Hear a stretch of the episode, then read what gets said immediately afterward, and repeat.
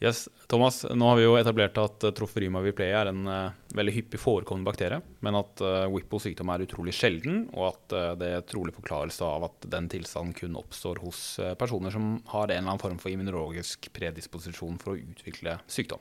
Ja. Og vi vet jo da at mange er asymptomatiske bærere av bakterien, særlig de som er eksponert for jord og kloakk. I dag skal vi snakke litt om om manifestasjoner av Whipples sykdom og eh, hvordan vi utreder og behandler det.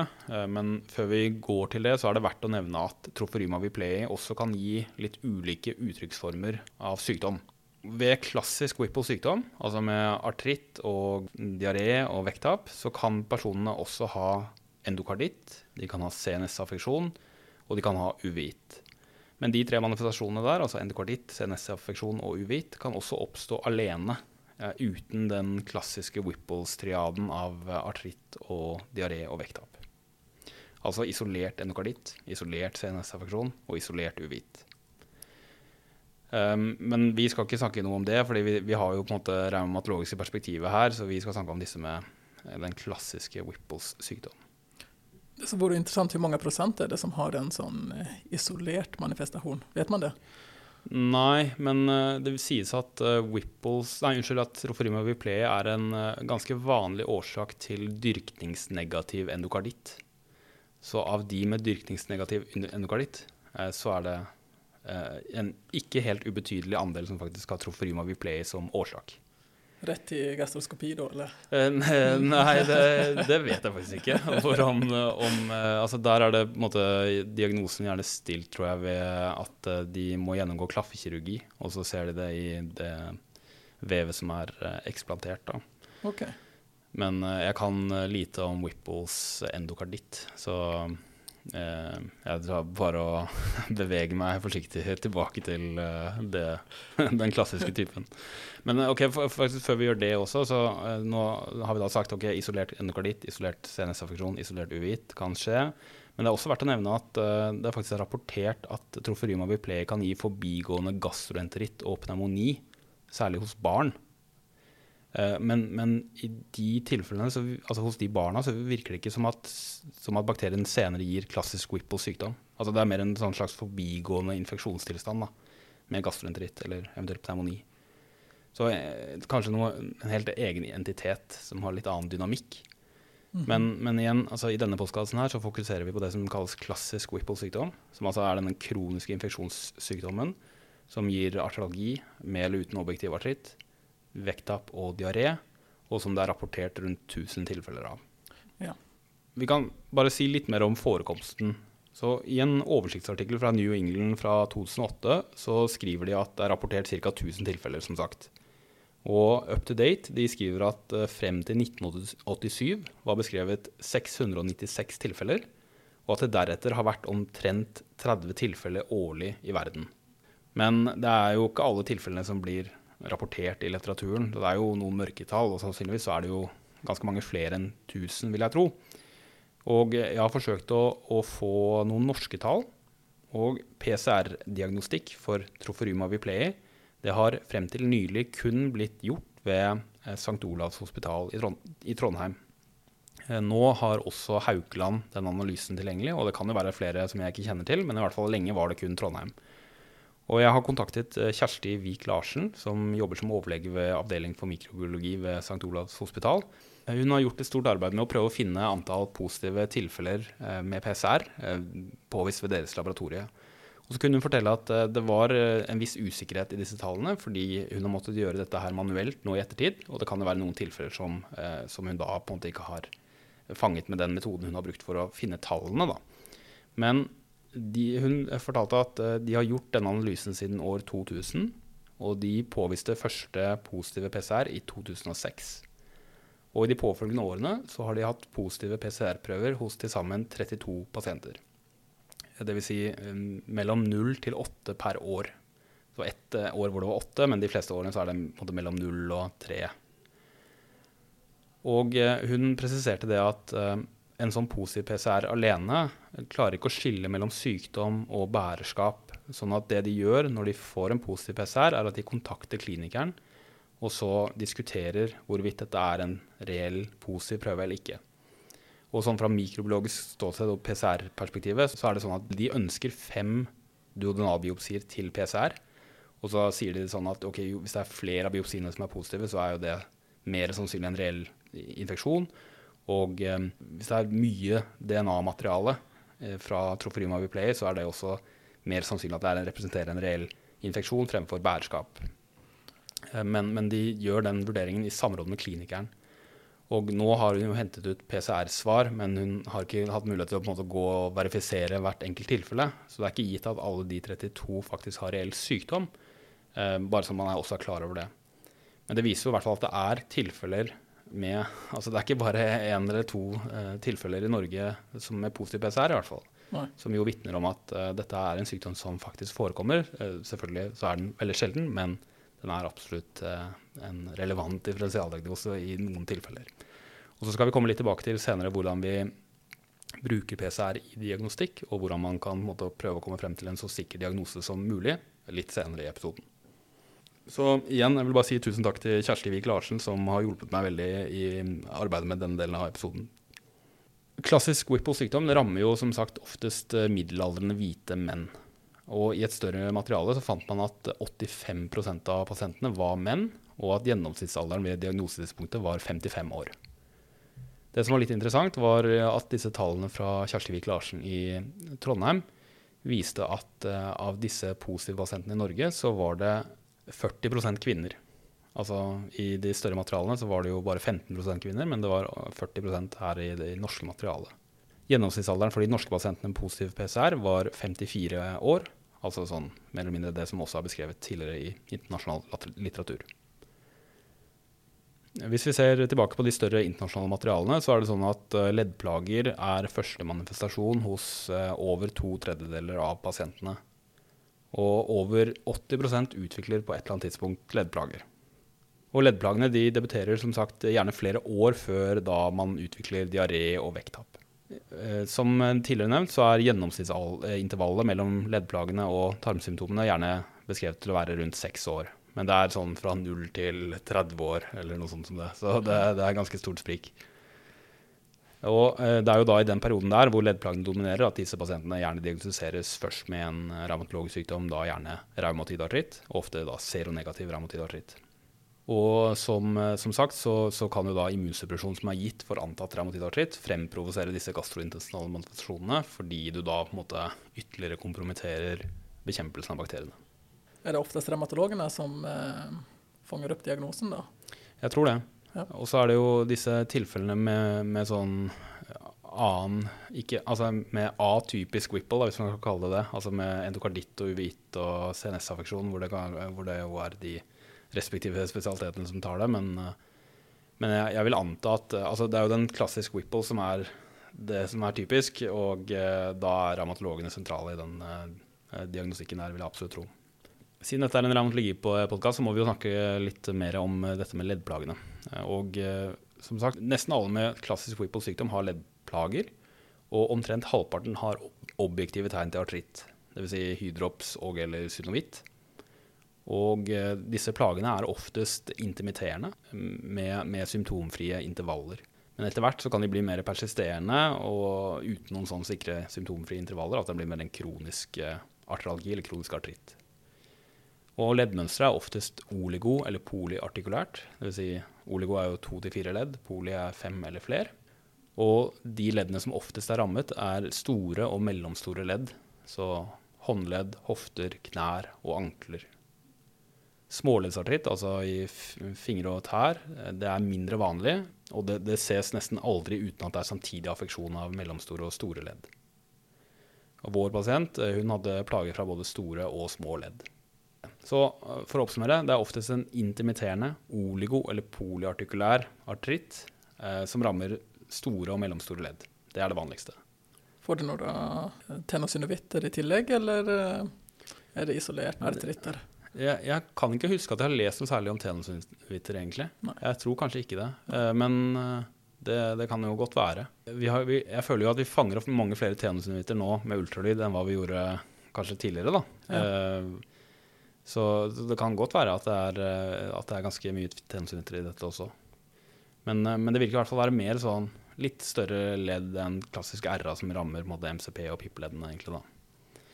Og når man tenker på sånn episodisk eller intermitterende artritt, så tenker vi jo også ofte på krystallartritt, ikke sant? urinsyrikt og kalsiumpyrofosfatartritt.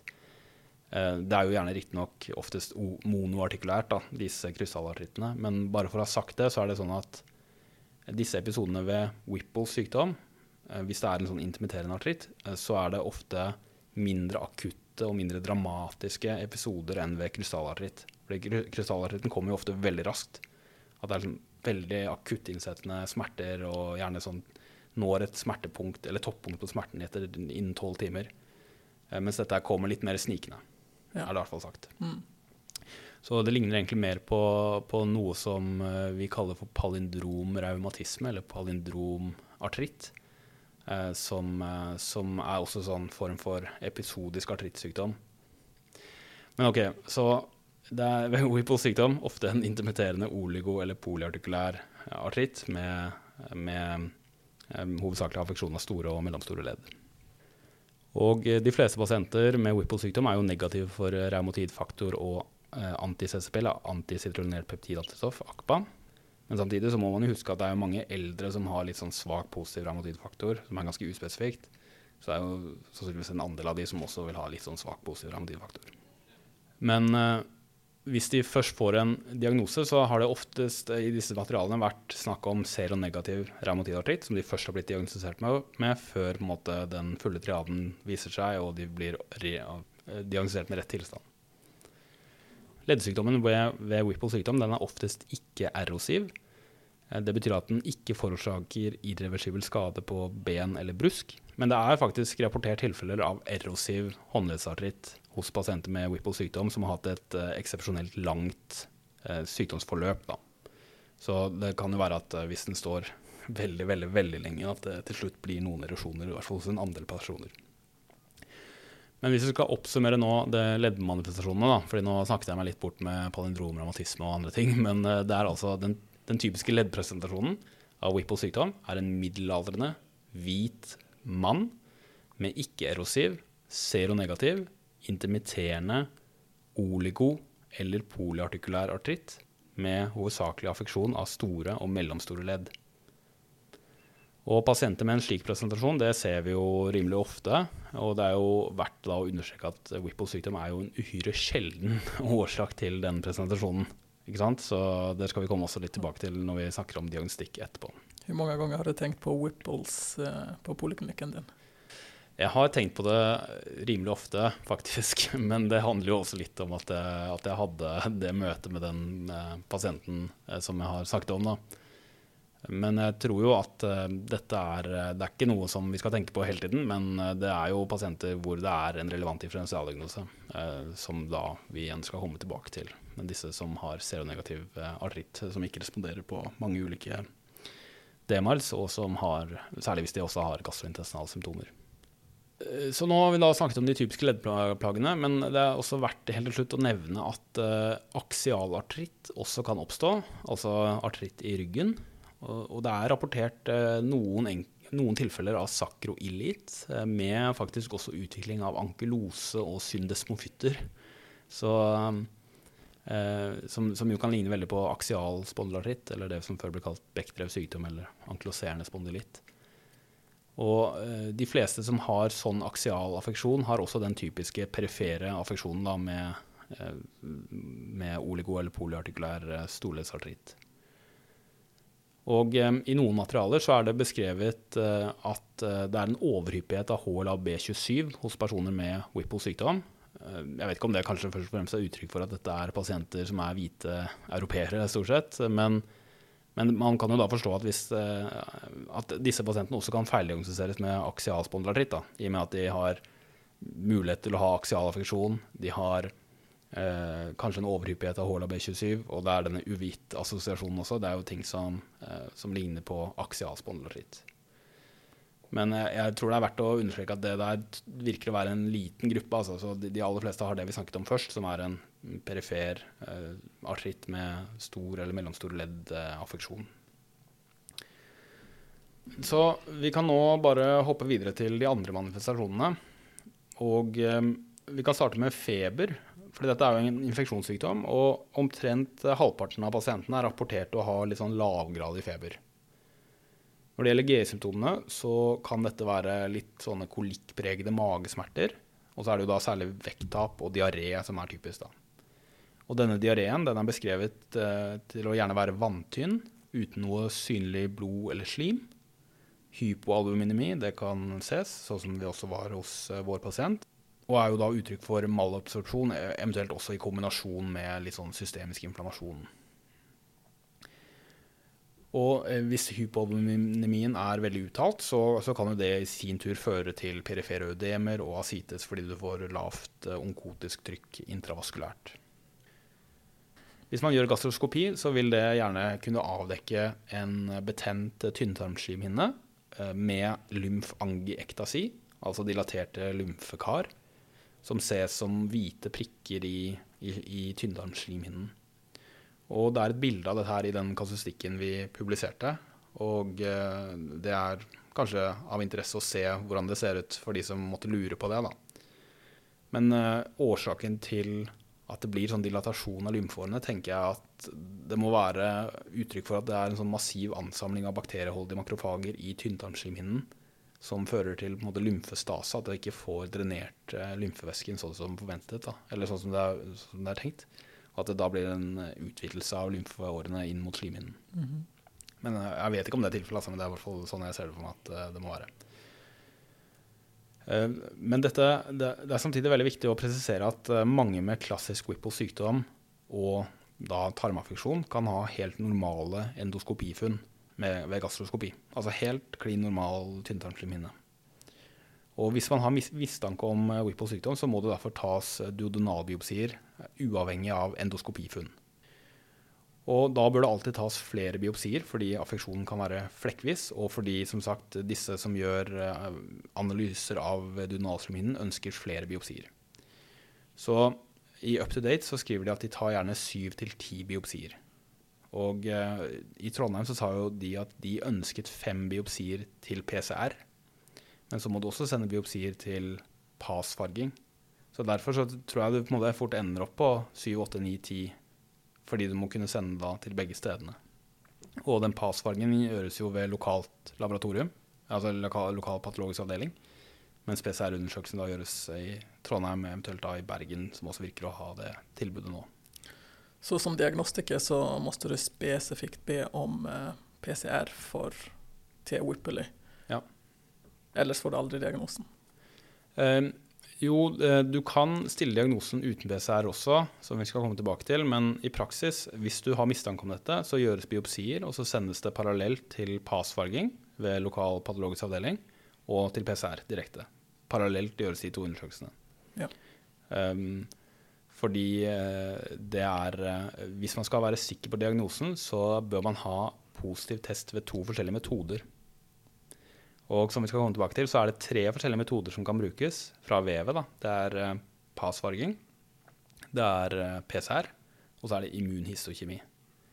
Og av disse tre så er det PAS-farging og PCR som måte, kanskje virker å være de to primære måtene å, diagnostisere det på. Så da sender man de til hot først. Og så skal vi snakke litt senere om hvordan det blir hvis man bare har én positiv test. Um, men eh, for å foregripe begivenhetene, så er det sånn at uh, man kan si at uh, man bør ha, for å være sikker på diagnosen hos en pasient med passende klinikk, så bør man ha to positive Altså to Man bør ha positivt svar i to forskjellige metoder fra ett vev. Eller så må man ha positive resultater fra to forskjellige vev. Ja. Det jeg egentlig undrer, er hvor mange som går rundt der uten at den blir diagnostisert fordi at du fanger ikke det opp. Ja, det er et mørketall, da. Det er det nok, absolutt. Og det, kan, det, er jo da eksempler på personer som har gått i kjempelang tid med leddplager. ikke sant? Altså det, det, var en tilfelle som jeg lurer på om var 36 år før, før, riktig diagnose ble stilt. Sånn at det er definitivt eh, noen der ute som, eh, som, som går med sykdommen, eh, uten at jeg skal skremme noen. Men det, det er det jo absolutt grunn til å tro at det er. Også, Jens, alle, alle må høre på podkasten. Ja, men, eh, men, i Trondheim så kunne de også fortelle at eh, det er, det er blitt et eh, åpenbart økt fokus på dette. Sånn at de kan se at antall prøver de får inn til analyse, har økt veldig. da. Og det var, som sagt, De fikk den første positive prøven i 2006. Og så eh, ble det publisert en kasustikk i tidsskriftet, altså ikke vår, men en tidligere, i 2008. Og etter det så var det en voldsom økning i, i antall tilsendte prøver. Eh, sånn at eh, det, det, det, Og de fortalte at det, det, har vært en del undervisning om det i både revmatologimiljøer og infeksjonsmiljøer som, som gjør at uh, man er mer på obs på denne sykdommen. Da. Så man fanger egentlig opp flere i dag enn hva man gjorde før, i Norge i alle fall? Så jeg tror nok at, at det i hvert fall er mer oppmerksomhet rundt sykdommen, og at det testes mer, og at man da også vil forvente å fange opp flere. Uh, og akkurat hvor mange som går rundt udiagnostisert, det er jo vanskelig å si, men det er jo grunn til å tro at det er noen. Så formålet med denne podkasten her er jo da å, å minne revmatologimiljøet på det, og at uh, man fanger opp de som er relevante å, å teste, og så få testet uh, dem, da. Hvis vi går tilbake til undersøkelsesfunn, altså annet enn histologi Når det gjelder annen bildedagnostikk, så kan CT noen ganger avdekke fortykket tynntarmsvegg, sånn som vår pasient hadde. Det er også vanlig å ha litt mesentrial lymfadenopati, som også vår pasient hadde. Men uh, av hva jeg forstår, så har ikke pasientene vanligvis lymfadenopati i andre regioner. Så det var, det var, egentlig det jeg vil si da foreløpig om GE-affeksjonen. Og hvis vi nå går videre til CNS-affeksjon, eh, så ses det hos om lag 15% av pasienter med klassisk Whipple-sykdom. Og CNS-affeksjon er forbundet med dårlig prognose. Og det kan gi lang rekke manifestasjoner. Det kan gi personlighetsendringer og kognitive forstyrrelser men også ting som ataksi og epilepsi. Og I tillegg er det noen pasienter som har noe som kalles okulomastikatorisk myorytmi. Eh, på engelsk oculomasticatory myarrhythmia. Som er eh, forholdsvis sjelden hos personer med Whipple sykdom. Men det er faktisk patognomonisk, visstnok. Det er en koordinert bevegelse hvor pasienten skjeler med øynene, samtidig som kjeven lukkes hardt igjen. Og at dette her skjer gjentatte ganger. da rytmisk. Så altså okulo, øynene, de går innover. Mastikatorisk, kjeven lukker igjen. Og det er rytmisk, altså myorytmi. Det er en rytmi i de muskelbevegelsene. Så eh, det betyr altså pasienten vil først ha avslappet kjeve, se normalt fremover, før plutselig så går øynene innover, og kjeven lukkes hardt igjen. Og så går øynene og kjeven tilbake i normal posisjon, før det samme skjer på nytt. Igjen og igjen. Og eh, det er altså okulomastikatorisk myorytmi. Og det er en veldig fin YouTube-film av det her, eh, som jeg kan lenke til i episodenotatene. Og som sagt så er det sjelden, men det er altså ansett å være patognomonisk. Eh, og tenk deg det å sitte på poliklinikken med en pasient med leddplager, og så velge å henvise til gastroskopi for å bekrefte Whipples sykdom, fordi du ser at pasienten har okulomastikatorisk myorytmi. Det hadde vært enda mer imponerende hvis du gjorde det fra ortopedisk poliklinikk. det, det, hadde vært, det hadde vært veldig imponerende. Er helt ærlig.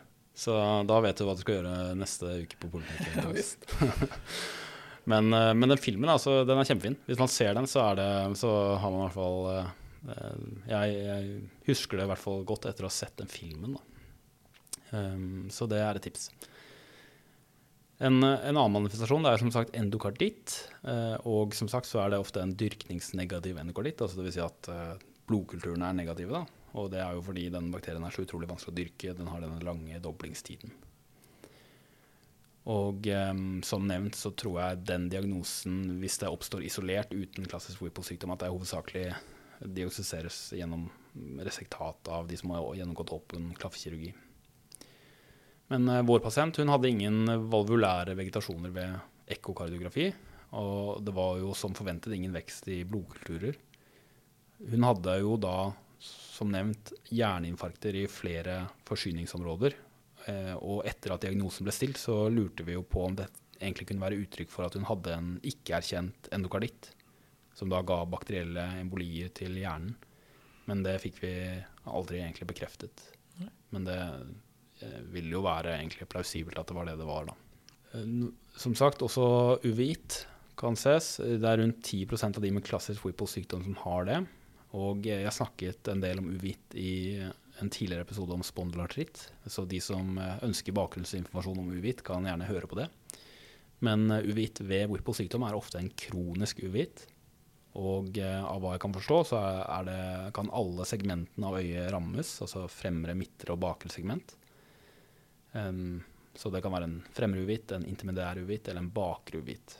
Og selv om det er seronegativ RA som gjerne presenteres som den klassiske feildiagnosen ved Whipple sykdom, så er det jo lett å se for seg at en pasient med oligoartritt, eller altså eh, oligoartikulær storleddsaffeksjon og fremruvitt og positiv HLA-27 kan, kan, ende opp med en spondylartrittdiagnose før, uh, før uh, triaden blir mer typisk for Whipple sykdom.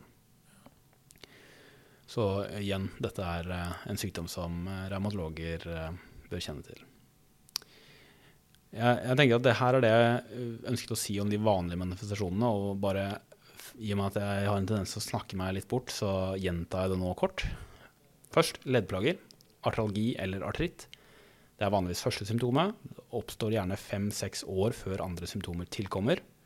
Plagene er gjerne intermitterende, oligo- eller polyartikulære. Håndledd, knær og ankler er oftest affisert. Det er oftest, oftest negativ ramatidfaktor og AKPA og vanligvis ingen erosjoner. Etter hvert tilkommer andre symptomer, oftest GI-affeksjon med kolikkpregede magesmerter, vandig diaré og vekttap, ofte med hypoalbuminemi. I tillegg vil en andel av pasienter ha CNS-symptomer, herunder psykiatriske manifestasjoner, samt eventuelt endokarditt og eller uvit. Og som sagt, eh, okulomastikatorisk myorytmi er sjeldent funn, men det er ansett å være patognomonisk. Så da er jo spørsmålet når skal man egentlig mistenke Whipples sykdom? Det er jo det store spørsmålet. Og eh, her eh, må jeg igjen berømme ordvalget til forfatterne som har skrevet up to date-anbefalingene om denne, denne, sykdommen. De skriver at although Whipple's disease has a reputation as a great mimicker of many different diseases, the difficulty in diagnosis is probably more a function of its rarity than its stealth. Altså, jeg tenker at Whipple skal ikke være en sånn diagnose man trekker opp av hatten ved enhver form for sånn uavklart uh, inflammatorisk tilstand. på en måte. Uh, fordi selv om det er rapportert tilfeller av isolerte organmanifestasjoner, så tenker jeg at uh, for revmatologer er det hensiktsmessig å tenke på Whipples hos en pasient som har den klassiske konstellasjonen. Altså en middelaldrende eller eldre person, oftest en hvit mann, med langvarig seronegativ og ikke-erosiv, intermitterende eller kronisk artrittsykdom som ikke har respondert på ulike former for immunsuppresjon, og som har diaré og vekttap. Det er der vi bør være, syns jeg. Og UpToDate har eh, nok en fin formulering. De skriver at Because Whipple's disease is rare compared to other systemic illnesses that may present with similar signs and symptoms, the first step in the evaluation of Whipple's disease is to assess for alternative, more common diagnosis.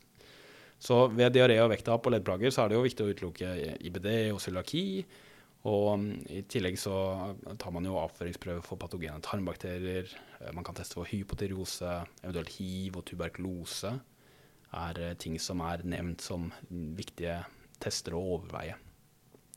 Og hvis alle disse er negative og man mistenker Whipple-sykdom, så bør det jo da være lav terskel for å henvise til gastroskopi for duodenalbiopsier for PAS-farging og PCR-undersøkelse. Og i henvisninger så bør man jo da presisere, dersom gastroskopøren ikke er klar over det, at eh, pasienter med Whipples sykdom kan ha makroskopisk normal duodenalslimhinne, og at det derfor bør tas biopsier uavhengig av endoskopifunn. Og at det da bør tas flere biopsier, altså UpToDate skriver jo da 7, 8, 9, 10, fordi affeksjonen kan være flekkvis, og fordi de ulike eh, eh, personene som skal analysere dette, trenger flere biopsier, da særlig da f.eks. i Trondheim hvor de trenger fem. Og når, test, eh, når, vev testes for Whipple-sykdom, så kan dette gjøres på tre forskjellige måter, som sagt. Eh, det kan være med PAS-farging, for å se etter PAS-positive makrofager. Eh, altså makrofager som har disse inklusjonene som farger for periodic acid shift. PAS-positivitet det er ikke spesifikt for troforima viplei. Det kan også ses ved f.eks. mykobakterieinfeksjon. Så patologen vil ved positiv passfarging gjøre tilleggsfarging for å skille troferyma viplei fra andre mikrober som har passpositivitet. Den andre testen fra vev er PCR, som sagt. Altså hvor man da påviser genmateriale fra bakterien. Og den tredje måten er immunhistokjemi, hvor man bruker antistoffer til å påvise mikroben i vevet. Immunhistokjemi mener jeg at eh, tilbys ved OUS. Altså immunhistokjemi for Whipples sykdom mener jeg tilbys for OUS, men jeg har ikke klart å bekrefte det. Men som sagt så er det vanligvis da passfarging og PCR som er det hovedsakelige det man gjør. Det er i praksis ikke mulig å dyrke bakterien. Altså de, det kan gjøres, men det er, bare, det er veldig omfattende. Det er en vanskelig prosess som i praksis kun gjøres eh, i forskningssammenheng ved sånne spesiallaboratorier. Så oppsummert, man trenger altså duodonalbiopsier for passfarging og PCR-undersøkelse. Eventuelt eh, immunhistokjemi i tillegg, som vi skal komme tilbake til. Det er også sånn at eh, andre kroppsvæsker, sånn som spinalvæske og leddvæske, kan undersøkes med PCR. Eh, og det skal vi komme litt tilbake til straks. Men hvis vi går til UpToDate sin diagnostiske algoritme, så kan vi på en måte bruke den til å si at okay, hvis det er en pasient som har typisk klinikk og positiv passfarging og PCR fra duodonalsluminen, så er det en sikker Whipples sykdom. Eh, hvis det er kun en positiv PCR, men ikke positiv pass, så bør man prøve å skille mellom infeksjon og bærerskap. Eh, og det kan man gjøre da ved å gjøre immunhistokjemi. Så hvis du har positiv PCR og immunhistokjemi, så har du to forskjellige tester som er positive, som da gjør at diagnosen anses sikker hvis klinikken passer.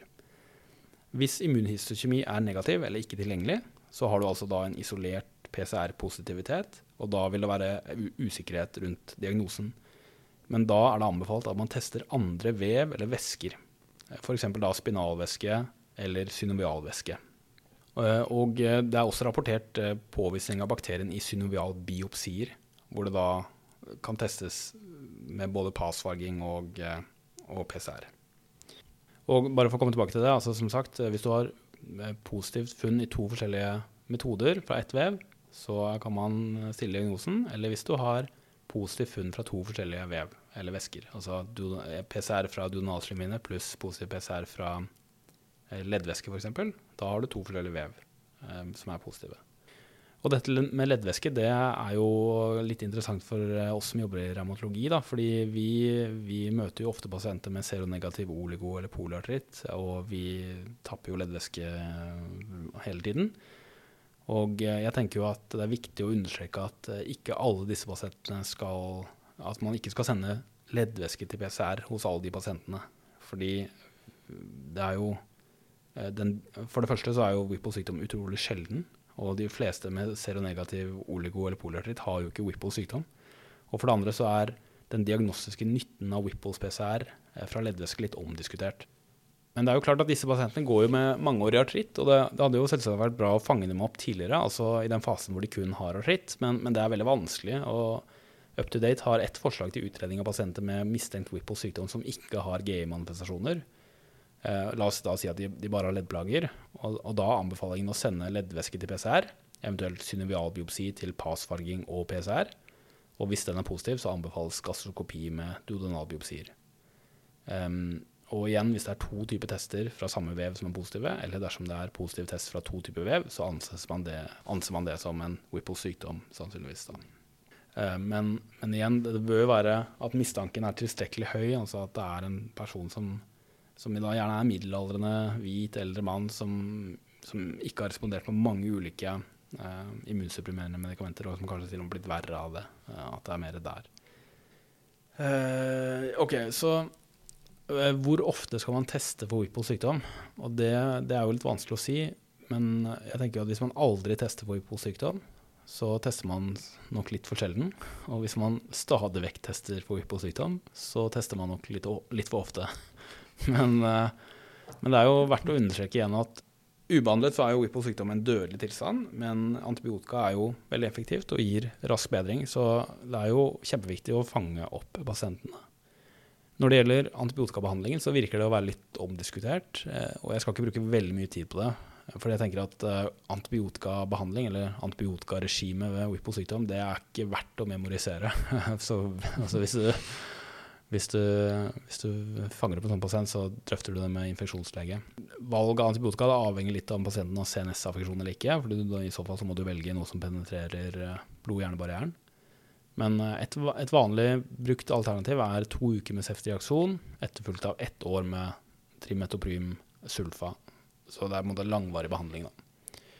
Eh, men det er noen er anført at troforima viplei mangler enzymet som er angrepspunktet for trimetoprim, og at bakteriene derfor er naturlig resistent mot det medikamentet. Eh, og et annet alternativ til antibiotikabehandling er hydroksyklorokin i kombinasjon med doxycyklin.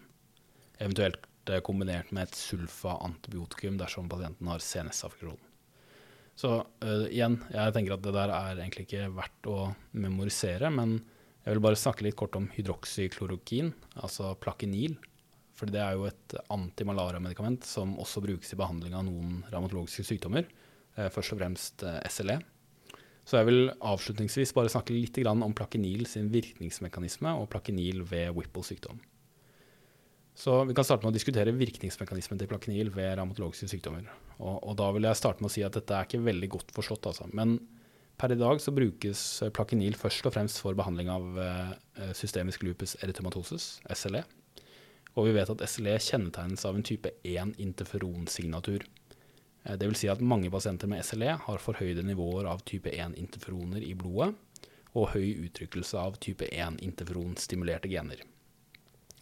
Og type 1-interferoner produseres av virusinfiserte celler. Det er det interferon alfa og interferon beta som vi snakket om i forrige episode. Ikke, ikke interferon gamma som, som, er involvert i bekjempelsen av intracellulære bakterier.